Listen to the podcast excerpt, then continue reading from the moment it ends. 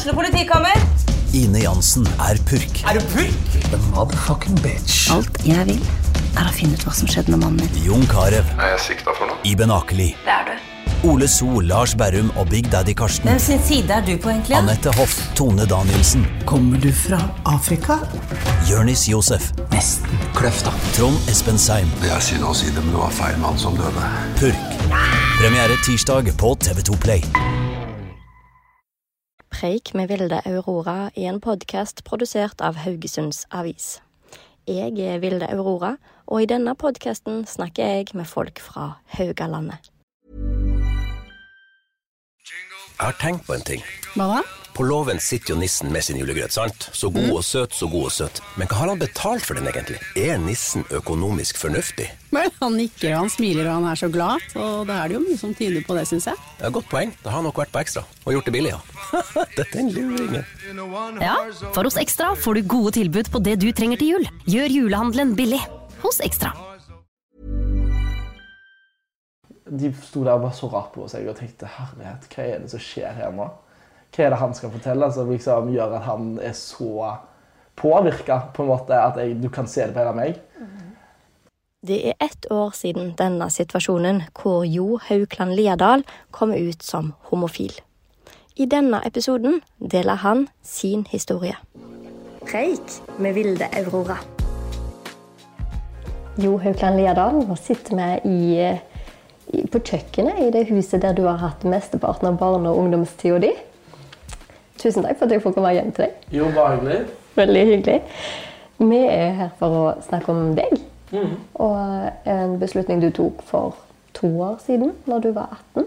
Yes. Ja.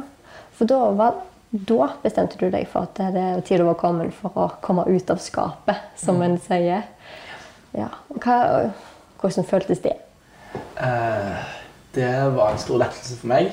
Eh, det å komme ut av skapet er jo en prosess som på en måte Det var ikke en dag jeg bestemte meg på en måte for at nå skal jeg komme ut av skapet. Uh, det er jo en prosess som på en måte har tatt hele livet, hvis jeg skal si det sånn. Eh, men for to år siden så bestemte jeg meg for at nå skal jeg fortelle det til mine nærmeste venner. Uh, Og at jeg skulle fortelle det første gang. Um, og det var en skummel prosess, det var en skummel tanke. Der alle, at folk skulle på en måte starte å få vite kanskje min største hemmelighet. Det er jo noe jeg har båret på ganske mye av livet mitt. Um, men det var på en måte Jeg følte at var klar, jeg var veldig klar på å gjøre det nå. Ja. Um, og litt av grunnen til det var jo det at eh, da ble jeg 18. Da skulle jeg på en måte gå inn i voksenlivet, kan vi si, på mange måter. Selv om du er ennå ung, og selv om du har ennå masse år framover deg, nei, framfor deg eh, så skal jeg på en måte hoppe litt inn i litt sånn 18 var det litt sånn viktig år, så jeg følte liksom det var litt sånn perfekt tidspunkt. Um, I tillegg så hadde vi akkurat vært igjennom starten på en pandemi. Um, masse tanker, hvor jeg har, eller masse tid til å tenke. Um, dager hvor jeg har kunnet sitte med meg sjøl og tenkt liksom på hvordan skal jeg faktisk gjøre dette. Hvordan, det blir jo en forandring. Venner skal på en måte få vite en helt ny side av deg sjøl, familie osv. Men um, da bestemte jeg meg for at jeg skulle holde en liten 18-årsdag uh, med min kohort, så det var fem stykker. Uh, og grunnen til at jeg bestemte meg for å velge dette som anledningen for at jeg skulle komme ut, var fordi at jeg hadde et veldig behov for at uh, det skulle være et trygt miljø. Og jeg skulle ha et form for kontroll på det. Og det vil si at i Haugesund så er vi, vi er ikke så mange folk. Og jeg var på forhånd litt redd for at rykter skulle spres, at på fester og sånn så skulle mange får vite det, og at det på en måte ikke skulle komme rett fra meg. Eksempel til mange gode venner og sånn, så gjerne ville skulle vite det direkte fra meg. Og um, når jeg da kunne invitere fem veldig gode venner som jeg stolte veldig veldig mye på, hjem til meg uh, for, å, for å feire meg, så tenkte jeg at det egentlig var en perfekt anledning da, til å si en hemmelighet som er såpass stor at jeg på en måte har tillit og uh, tro på at de faktisk klarer å holde det. Um, så da kom de hjem til meg. Uh, det var fem av mine bestevenner som nevnt. Og de uh, Vi begynte å bare spise pizza, vi begynte å uh, drikke. Og det var faktisk min første gang hvor jeg skulle drikke alkohol. Jeg hadde aldri drukket alkohol før. og det var et valg jeg har gjort bare på etiske grunner hadde ikke et behov. Følte liksom jeg var en person som kunne snakke godt for meg med folk min alder, bla, bla, bla. Hadde ikke helt det der behovet for å på en måte føle den frihetsfølelsen som jeg føler kanskje andre har når de drikker alkohol. Um, så begynte å drikke litt, begynte å, humøret gikk opp, og utover kvelden da, så klarte jeg bare Så ble det kanskje litt lettere da, pga. alkoholen å si, uh, få det ut. Og da um, sa jeg egentlig bare at uh, jeg føler at jeg uh, Det begynte jo ganske da å føle, føle at jeg liker jenter, men jeg føler òg at jeg liker gutter. Ja. Um, og det var nok en veldig sånn safe approach til det, fordi nå i etterkant har jeg funnet ut at jeg liker nok ikke jenter. Men det var på en måte min litt sånn lille begynnelse på dette, da, som er et stort valg. Og det krever jo litt å si en så stor hemmelighet. Men um, der og da så føltes det veldig fint, og jeg kunne på en måte starte den fasen og prosessen da med å komme ut. Um, Og ingen av de som visste noen ting fra før? Ingen av de visste noe fra før. Um, men så skal jeg si at det var ikke verdens største sjokk for dem. Um, jeg er en person som på en måte Altså, jeg har mannlige sider til meg, men jeg har òg feminine sider til meg. Det vil si, jeg, kan, jeg liker veldig godt å danse, jeg liker veldig godt å synge. og altså, To av vennene mine sa jo sjøl at vi har vurdert å spørre deg om det. det og det har jo mye med å si jeg har mye jentevenner. Vi har kanskje for aldri funnet kjærligheten. og aldri liksom snakket så mye om meg sjøl sånn følelsesmessig, og sånn, som på en måte kanskje andre gjør i jo videregående ungdomsskoletid, når du på en måte, når det temaet blir et tema som på en måte går gjennom hver dag i kantina osv. Så, videre. så de hadde jo på en måte vurdert det, men så syns de det på en måte er litt sånn litt sånn våga kanskje å spørre om. Og det kan jeg godt finne altså Det var veldig fint for meg at jeg kunne si det sjøl uten at de spurte meg, syns jeg. Eh, men det var nok ikke det største sjokket for vennene mine. Og det, det tror jeg er fordi jeg har en sånn rolle i vennegjengen hvor jeg bare jeg gir mye av meg sjøl. Og altså, du ser alt av meg, så det er vanskelig på en måte å skjule en så, så stor del av meg. Så um, nei. Men det var veldig fint, da.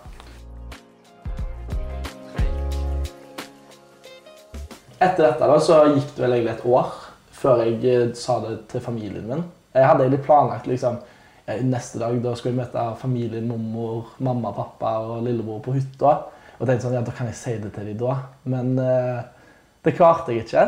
Jeg synes det var, et veldig stort, det var et veldig stort steg for meg å fortelle familien min. For jeg følte litt Jeg satt inne med en sånn følelse av at når familien min visste denne hemmeligheten, da, vis, da visste alle det, eller da kunne alle få vite det. Og uh, det det hadde jo selvfølgelig vært kjempefint hvis jeg hadde klart å sagt det der og da. Og jeg er sikker på at det hadde vært en like fin historie til det. Men uh, det tok faktisk et helt år. Og på det året så uh, kom jeg òg ut til flere og flere venner. Jeg har, ganske, jeg har to ganske store vennegjenger. En som måtte dras litt tilbake til barneskolen og ungdomsskoletida. Så er en vennegjeng som jeg fikk på HTG. Og for meg så var det veldig viktig at jeg kom ut til liksom beste bestevennene mine sjøl, og at de ikke fikk vite det gjennom en tredje part eller en andre part. Fordi jeg vet ikke, jeg syns det er et så stort, et så stort, en så stor beslutning, og for meg så var det òg veldig viktig at jeg gjorde det rett for meg. Så året gikk, og plutselig satt vi der og skulle feire 19-årsdagen min.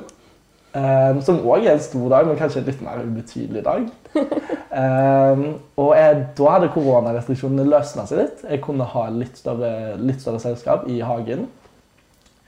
Og da hadde jeg sagt til meg sjøl at eh, hvis mamma og pappa sitter på kjøkkenstua og har vinduet åpent og på gløtt, så er det litt dumt hvis de plutselig sitter og hører jeg sitter og snakker med vennene mine om at oi, han gutten var fin, eller liksom, de nevner litt sånne ting. At de får det, vite det gjennom liksom, samtalen rundt bordet i det selskapet. da.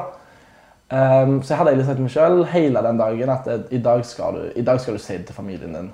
Og timene gikk. Eh, minuttene tikka, og plutselig så var det fem på fem. På fem. Jeg hadde invitert vennene mine der fem. Um, og jeg bare bryter helt, helt ut i stua. Bryter liksom, skal reise meg opp, skal ut for å hente, gjøre siste del klar, men jeg bare faller ned på bakken. Og mamma og pappa ser bare på meg sånn altså Ikke sånn, altså, ikke dramatisk, men bare liksom, jeg faller ned av skuffelse av meg sjøl. Sånn At jeg ikke har klart liksom, at jeg ikke har klart det ennå.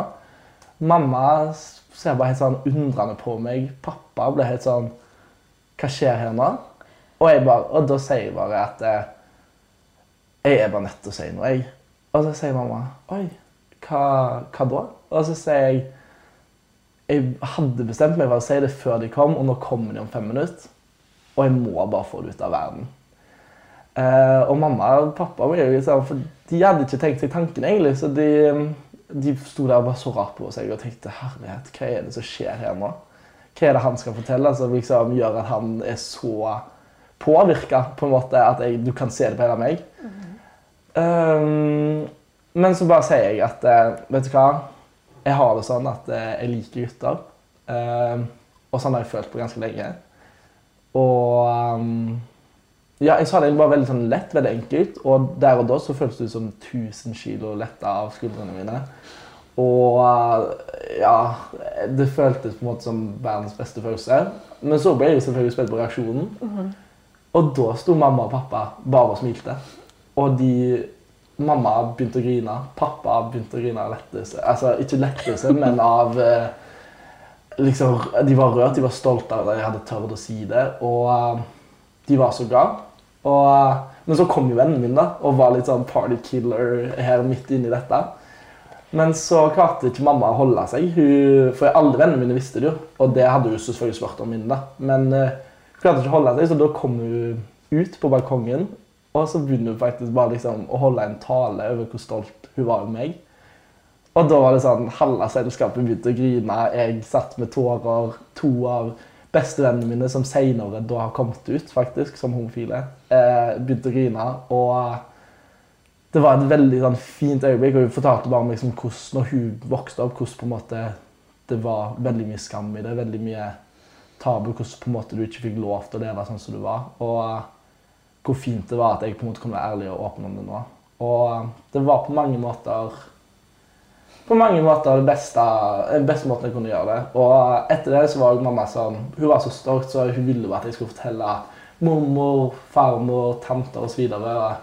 Det var liksom bare en enkel telefonsamtale etter det, da, for da hadde på en måte Da var indre kjernefamilien blitt fortalt om det. Og videre så var det bare positivitet og støtte fra egentlig alle. Og våkna opp dagen etterpå til melding fra søskenbarn og videre, så hadde hørt gjennom på en måte en tante osv. som så bare sendte masse støtte og hjerter. Og det var egentlig en kjempefin måte å komme ut på. Veldig sånn litt sånn som jeg så for meg, men samtidig egentlig enda finere. Ja. Ja. Så bra Ja. at du hadde en sånn opplevelse av det. ja. Jeg, er veldig, jeg er veldig glad for at jeg hadde en sånn opplevelse, og så vet jeg jo at ikke alle har det sånn. Mhm. Og det syns jeg er utrolig trist. Og min historie er jo på mange måter en sånn der eh, fantastisk historie om hvordan det er på en måte å komme ut og bare være seg sjøl. Men jeg vet jo det at det finnes folk som på en måte ikke blir akseptert for det, og som blir sett ned på det av de nærmeste. og sånn, Og det syns jeg jo er forferdelig. egentlig.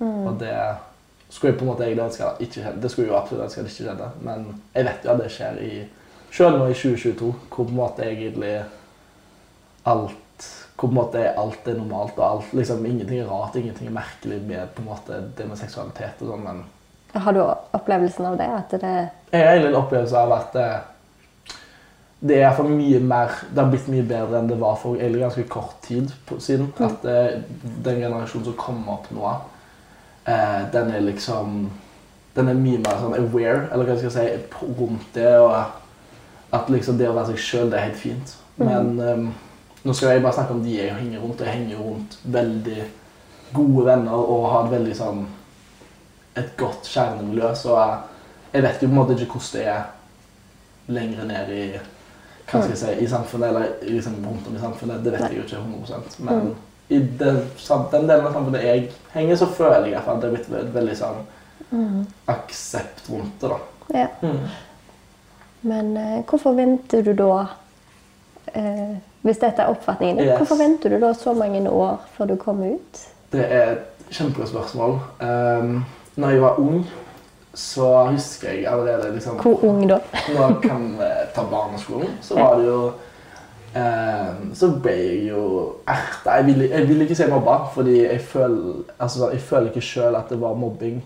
Men jeg ble erta. Det var kommentarer hvor det var eh, jævla homse, eh, homo Og det var liksom, det var til og med til den grad at eh, mitt navn ble gjort om til Jomo på en periode, liksom. Um, fordi liksom jeg var, hadde masse jentevenner. Um, jeg likte å legge ut ting på sosiale medier som på en måte kanskje ikke alle liksom, gutter Gutter driver med fotball, de driver med, de driver med disse mannlige tingene. Mens det jeg gjorde, var kanskje Jeg drev med håndball, og det gjør jeg ennå. Det er en veldig stor del av meg. Men den andre delen av meg var på en måte litt sånn feminin og litt sånn så de sa da homsete og så. Og jeg ble litt erta for det.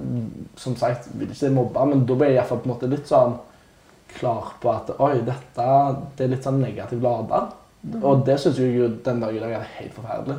Mm. At vi på en måte går rundt og bruker det som skjellsord. Og det, det var på en måte der jeg fikk min første Hva skal jeg si Min første uh,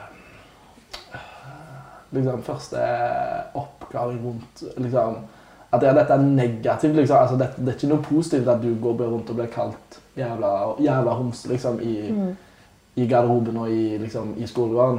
Um, Men er dette et ord de bare kaster ut, eller tror Følte du deg exposed på en eller annen måte? Altså, altså? Det det var litt vanskelig å si. Jeg var altså På ungdomsskolen og barneskolen så har jeg hele tiden for eksempel, hatt, jeg har hatt jentekjærester opp igjennom. og liksom, Jeg følte jo sjøl at det var noe de bare kasta ut. Mm. Men så en del, så, en annen del av deg blir veldig sånn uh, utforskende på en vis. Mm. Altså Når du får disse ordene kasta etter deg, så blir det òg litt sånn Oi, hva, men hva hvis jeg er det? Hva hvis, mm. hva hvis jeg plutselig, plutselig ikke liker jenter og liker gutter? Um, og selvfølgelig, mine barneskolekjærester er jo mer bestevenner, vil jeg nå si. Den, altså, det var et mer bestevennskapelig forhold mm. med dem. Um, men ja. Uh, og så når jeg kom til ungdomsskolen, så var det òg litt det at jeg følte litt på en usikkerhet rundt det at jeg ville ikke gi slipp på dette A4-livet som mange snakker om. Uh, det med liksom at du skal finne deg en jentekjæreste, gifte deg, finne Hun skal gå ned eh, bryllupet med brudekjolen, og du skal på en måte være så betatt av den jenta at dere på en måte skal ha dette liksom A4-livet. Og på ungdomsskolen så syns jeg det var veldig vanskelig på en måte det at jeg følte, følte, meg annerledes. Jeg ville ikke skille meg ut. Jeg ville ikke Jeg ville liksom ikke være noe annet enn alle de andre guttene i klasserommet. Ville mm. liksom jeg ville på en måte bare være sånn som de. Um, og jeg skal si at jeg gikk en klasse som var veldig sånn uh, Det var en veldig sånn sportslig, litt sånn mannsdominert klasse. Um, som jeg, jeg elsker alle folka der, og miljøet der har vært kjempebra for all del. Altså, men jeg tror ikke på en måte det hjalp veldig mye på for meg som satt med litt sånn litt sånn bakenforliggende følelser til gutter. At liksom jeg varmringer med det hver dag, på en måte, eller hva jeg skal si. Mm. Um, så på ungdomsskolen var jeg bare veldig usikker på liksom det. da, det at Jeg ikke ville bli, jeg ville ikke bli satt i en boks. Jeg ville ikke jeg ville ikke være annerledes. Og mm. det er på en måte, Jeg følte det definerte meg så mye hvis jeg skulle ha kommet ut som homofil. Altså det definerte, altså Da var han bare homo-jo, på en måte. At det, det, var liksom ingenting mer til meg. Og det syns jeg er veldig sånn forferdelig å tenke på nå. Fordi det er jo på en måte ikke noe negativt, og det er ikke noe fælt i å være det heller. Men uh, var, jeg var rett og slett bare veldig redd for at det skulle definere meg. Og selv om jeg alltid har støtta homofile og liksom elsket pride, elsket LGBTQ miljøet, så var jeg på en måte var jeg likevel redd for at jeg skulle bli satt inn i det. Det, det er rart hvordan jeg på en måte var redd, men òg har så mye kjærlighet og så mye aksept for det. på en måte. Og det hadde jeg da òg. Og ja, jeg vet ikke. Det var litt det. Og så gikk det over til videregående, hvor jeg på en måte da tror jeg på en måte mer bare satt og gjorde meg klar. Jeg vet ikke, jeg tror ikke det var nødvendigvis sånn at jeg følte noe usikkerhet rundt det heller. Men det var bare sånn ja, jeg, jeg, ville ikke bli satt i den boksen, og jeg ville på en måte heller ikke utelukke det å kanskje en dag bli forelska i en jente. Altså det, men det blir jo vanskelig da når du sitter i kantina og alle snakker om eh, hva de har gjort i helga, og hvem de har klint med, eh, bla, bla, bla, og du sitter der og er litt sånn ja, jeg har, ikke, jeg, har ikke, jeg har ikke, noe å relatere til, jeg. For, eller sånn Satt der bare og liksom hørte etter. Hadde ikke noe å tilføye til bordet. Um, så det, det, ble definitivt vanskeligere på videregående. Og da synes jeg òg Jeg tror òg at flere venner la merke til det òg. At liksom jeg ble litt mer stille. Og ja, fram til kanskje siste år, da, hvor jeg kanskje ble litt mer før jeg kom Jeg ble litt mer sånn løssluppen på det. Kunne f.eks. si at jeg syntes en gutt var kjekk, mm. men uten nødvendigvis å si noe mer. Altså, mm. kunne liksom si det, skulle etterpå si, men det kan jo heterofile gutter si om en gutt. Skjønner du hva jeg mener? Altså, at jeg, eh, jeg prøvde ennå litt å holde det tilbake, men kanskje hinta litt òg. Mm. Ja. Så det, det jeg klarer liksom ikke helt å sette en spesifikk grunn på det, men jeg tror veldig mye har på det at jeg, jeg liker liksom ikke å bli satt i boks. Jeg, det, jeg liker liksom ikke det å få et begrep kasta på deg og liksom Ja, og satt i den der typiske boksen som du gjerne blir, da.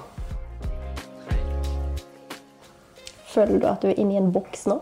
Nei, eh, egentlig virkelig ikke. Eh, og det er egentlig det som jeg syns er litt fint. Jeg føler virkelig at jeg bare kom til ut, og så har jeg bare blitt meg sjøl 100 mye mer, og at jeg kan at jeg kanskje ikke jeg bare kan være en enda bedre versjon av meg sjøl. Og det syns jeg er veldig fint. At jeg på en måte, Og det tror jeg venner har sett, at jeg har blitt en helt annen person siste, de to siste åra. Liksom. Hvordan da? Ja, jeg tror på en måte liksom, jeg, kan, jeg kan bidra med samtaler. Jeg kan by mer på meg sjøl. Jeg eh, kan ta ordet på ting jeg kanskje ikke tok ordet på før. Jeg eh, smiler mer. Jeg tror jeg eh, Jeg er glad, rett og slett, bare. Og det jeg tror, ja, jeg tror liksom folk har en sånn oppfatning av meg. da. Jeg har akkurat gått på folkehøyskole i Danmark hvor på en måte jeg, hva skal jeg si, har begynt som homofil istedenfor at jeg skulle komme ut. og det det har det på en måte, det har alt vært veldig lett å, å bare være seg sjøl hele tida. Og det har vært så deilig. Og veldig sånn befriende, egentlig. Ja. ja. Og Du sa jo at du hadde disse to sidene av deg, der den ene liksom er denne sportsfyren, mm. håndballspilleren. Mm. Er den en like stor del av deg nå? Ja. Selv om du har kommet ut? så... Absolutt. Han er nesten, nesten enda større del av meg. Jeg føler òg at etter jeg har kommet ut, så har jeg blitt en bedre håndballspiller. For all del. Jeg har på en måte jeg vet, jeg vet, ikke. Eh, jeg har på en måte bare Alt det du har holdt inni deg, alt det du på en måte har prøvd å gjemme, sånn, er på en måte vekke. Og du kan på en måte bare fokusere 100% på mm. For eksempel når du kommer til håndball, kan jeg fokusere 100% på håndballen. Og mm. slippe liksom å tenke på andre ting. Uh, slippe å tenke hva, hva tenker de andre om meg, bla, bla, bla. Jeg kan liksom jeg vet, altså Iallfall i Danmark da, så alle støtta meg. alle, Hele laget jeg gikk på der, var liksom de var støttende og så fine at det, det, var liksom ikke et problem. Og da kunne jeg virkelig Da var det liksom rom for å utvikle meg og ja, bare bli en bedre versjon av meg. Både utenfor, men også på håndballbanen. Du sa jo litt at på ungdomsskolen for eksempel, så har du mm. tenkt mye på dette at du ikke vil skille deg ut. Mm. Men du har jo oh, vært russepresident og liksom virkelig tatt ordet ja. i en tid av livet. Du har jo oh, Eh, sånn, skal vi si, kjente foreldre, i hvert fall Haugaland, på Haugalandet. Yes. Og kanskje utover i Norge etter mm. de siste årene. Så ha, skille seg ut altså Du har jo i hvert fall kjent. Ja, og um, det er jo noe som Det har jo jeg Nå elsker jeg å skille meg ut. Um, og det, det, er rart å si, men jeg, jeg syns jo det å skille seg ut nå bare er en fin ting. Imens da jeg var liten, så var det på en måte det var på en måte en ting Jeg ville ikke være rar, jeg ville ikke være merkelig. Jeg ville ikke være sånn som være liksom en av liksom den som sto utenfor.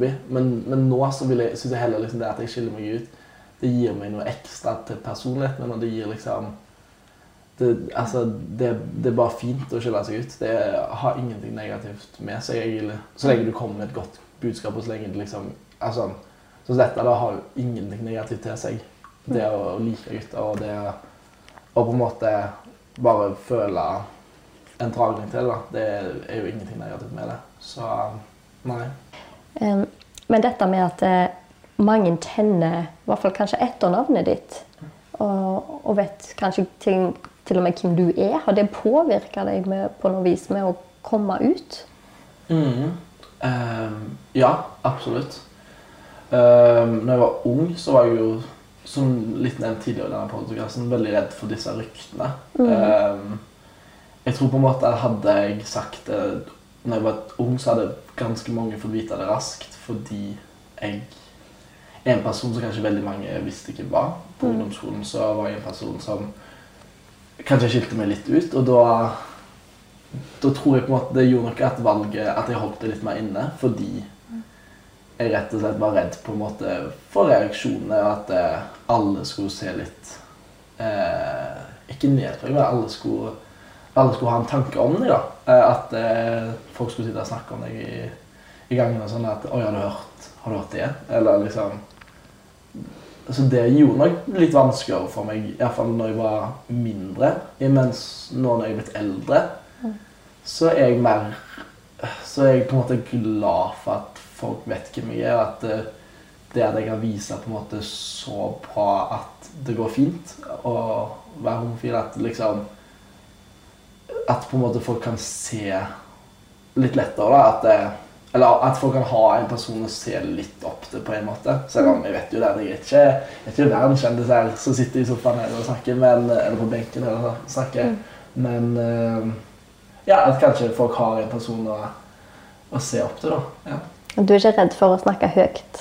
Nei, jeg er ikke redd. lenger? Ja, nei, og det, jeg er ikke redd lenger for å snakke høyt om, om dette, men også om andre ting. Eh, ting som er viktig for meg. Og det at folk skal elske det de vil, det, det er en viktig ting for meg. Og da er jeg heller ikke redd for å på en måte eh, fortelle og eh, snakke om det, faktisk. Ja. Mm. Er det noe du har fått Er det noe som kommer liksom innenfra fra deg, eller noe du har fått av foreldrene dine? Dette må Jeg tror, altså, Det kommer innenfra, men jeg vet jo at jeg er fra en familie som er profilerte. Pappa er musiker, og mamma er politiker. Og eh, søstera mi driver også med musikk og synger. Og, så jeg vet jo på en måte at, eh, at jeg har fått mye fra deg òg. Mer enn jeg kanskje liker å innrømme til meg sjøl. Jeg liker jo på en måte å tenke at jeg er en selvstendig person, og at dette at det er meg som liker mine meninger og, og sånn, men jeg vet jo at det, fordi jeg kommer fra et så åpent miljø og en sånn åpen familie som på en måte er så trygg, og hvor jeg på en måte alltid har hatt rom for å, for å være meg sjøl, at jeg eh, At jeg på en måte Det at jeg liker å ha en, ha en eh, ting i jorda, eller liksom det at jeg liker å snakke, det kommer nok litt fra miljøet mitt og familien min, selvfølgelig òg. Og hva tenker du nå om å liksom Nå har du sagt det høyt i en podkast òg, ikke bare Ja. til venner og familie. Ja. Hva tanker gjør du deg rundt det? Eh, Det synes jeg er, det er litt skremmende. Det er litt sånn, hva skal jeg si, en hemmelighet som kommer ut til Ikke en hemmelighet, men det, da får iallfall flere på en måte vite det og bli mer oppgave rundt det. Men eh, jeg tenker egentlig bare det er fint. Og så lenge på en måte så lenge én person kan sitte og høre på podcasten og, høre at måte, det ikke kanskje er så mye bekymringer rundt det som du kanskje sitter og tenker, og alle de der eh, tankene du har for deg sjøl om hvorfor liksom, du ikke har kommet ut osv. Hvis én person kan sitte en person av 100 da, en person av 100 kan sitte og tenke at dette var en fin podkast, og dette, det virker som det ikke er så skremmende som det faktisk kanskje kan føles til tider, da føler jeg på en måte at jeg har hjulpet iallfall én person. Og det syns jeg på en måte er fint å tenke på. At én person kan få det lettere med å, med å komme ut og være seg sjøl 100 mm. Nå var jo dette en hemmelighet du holdt for deg sjøl ganske mange år. Har du noe du eh, tenker du har lært, som kanskje noen andre kan ta med seg hvis de sitter og holder på en lignende hemmelighet? Altså, Sjøl så tenker jeg at det Altså, Du må bruke tida di. Du må mm. finne den, den riktige timingen for deg. Men det kommer samtidig En ting som jeg er veldig, viktig, som jeg er veldig opptatt av å si til andre, er at den, den der perfekte dagen eller den perfe, det perfekte øyeblikket, det kommer aldri. Eh, Du kan sitte og tenke at eh, nå skal jeg ha fyrverkeri, eller nå skal jeg eh, nå, nå vet jeg nå kan jeg bare hoppe inn i samtalen og si det, men det skjer liksom Det skjer nok nødvendigvis ikke. Og da det på en måte Å bare få sagt det er mye bedre enn å holde det inne og på en måte underbygge det og kanskje begynne å liksom, slite med det litt psykisk. Det er mye bedre å bare få det ut og, og så heller ta det fra det. Og selvfølgelig, jeg vet ikke hvordan alles livssituasjon er, men det, det kommer til å være folk som støtter deg uansett. Mm. jeg har bare vært på støtte, og ja, det, det er bare fint, liksom. Ja. Så fint. Ja. Tusen takk for at eh, du ville fortelle historien din til oss. Jo, bare hyggelig. Preik med Vilde Aurora.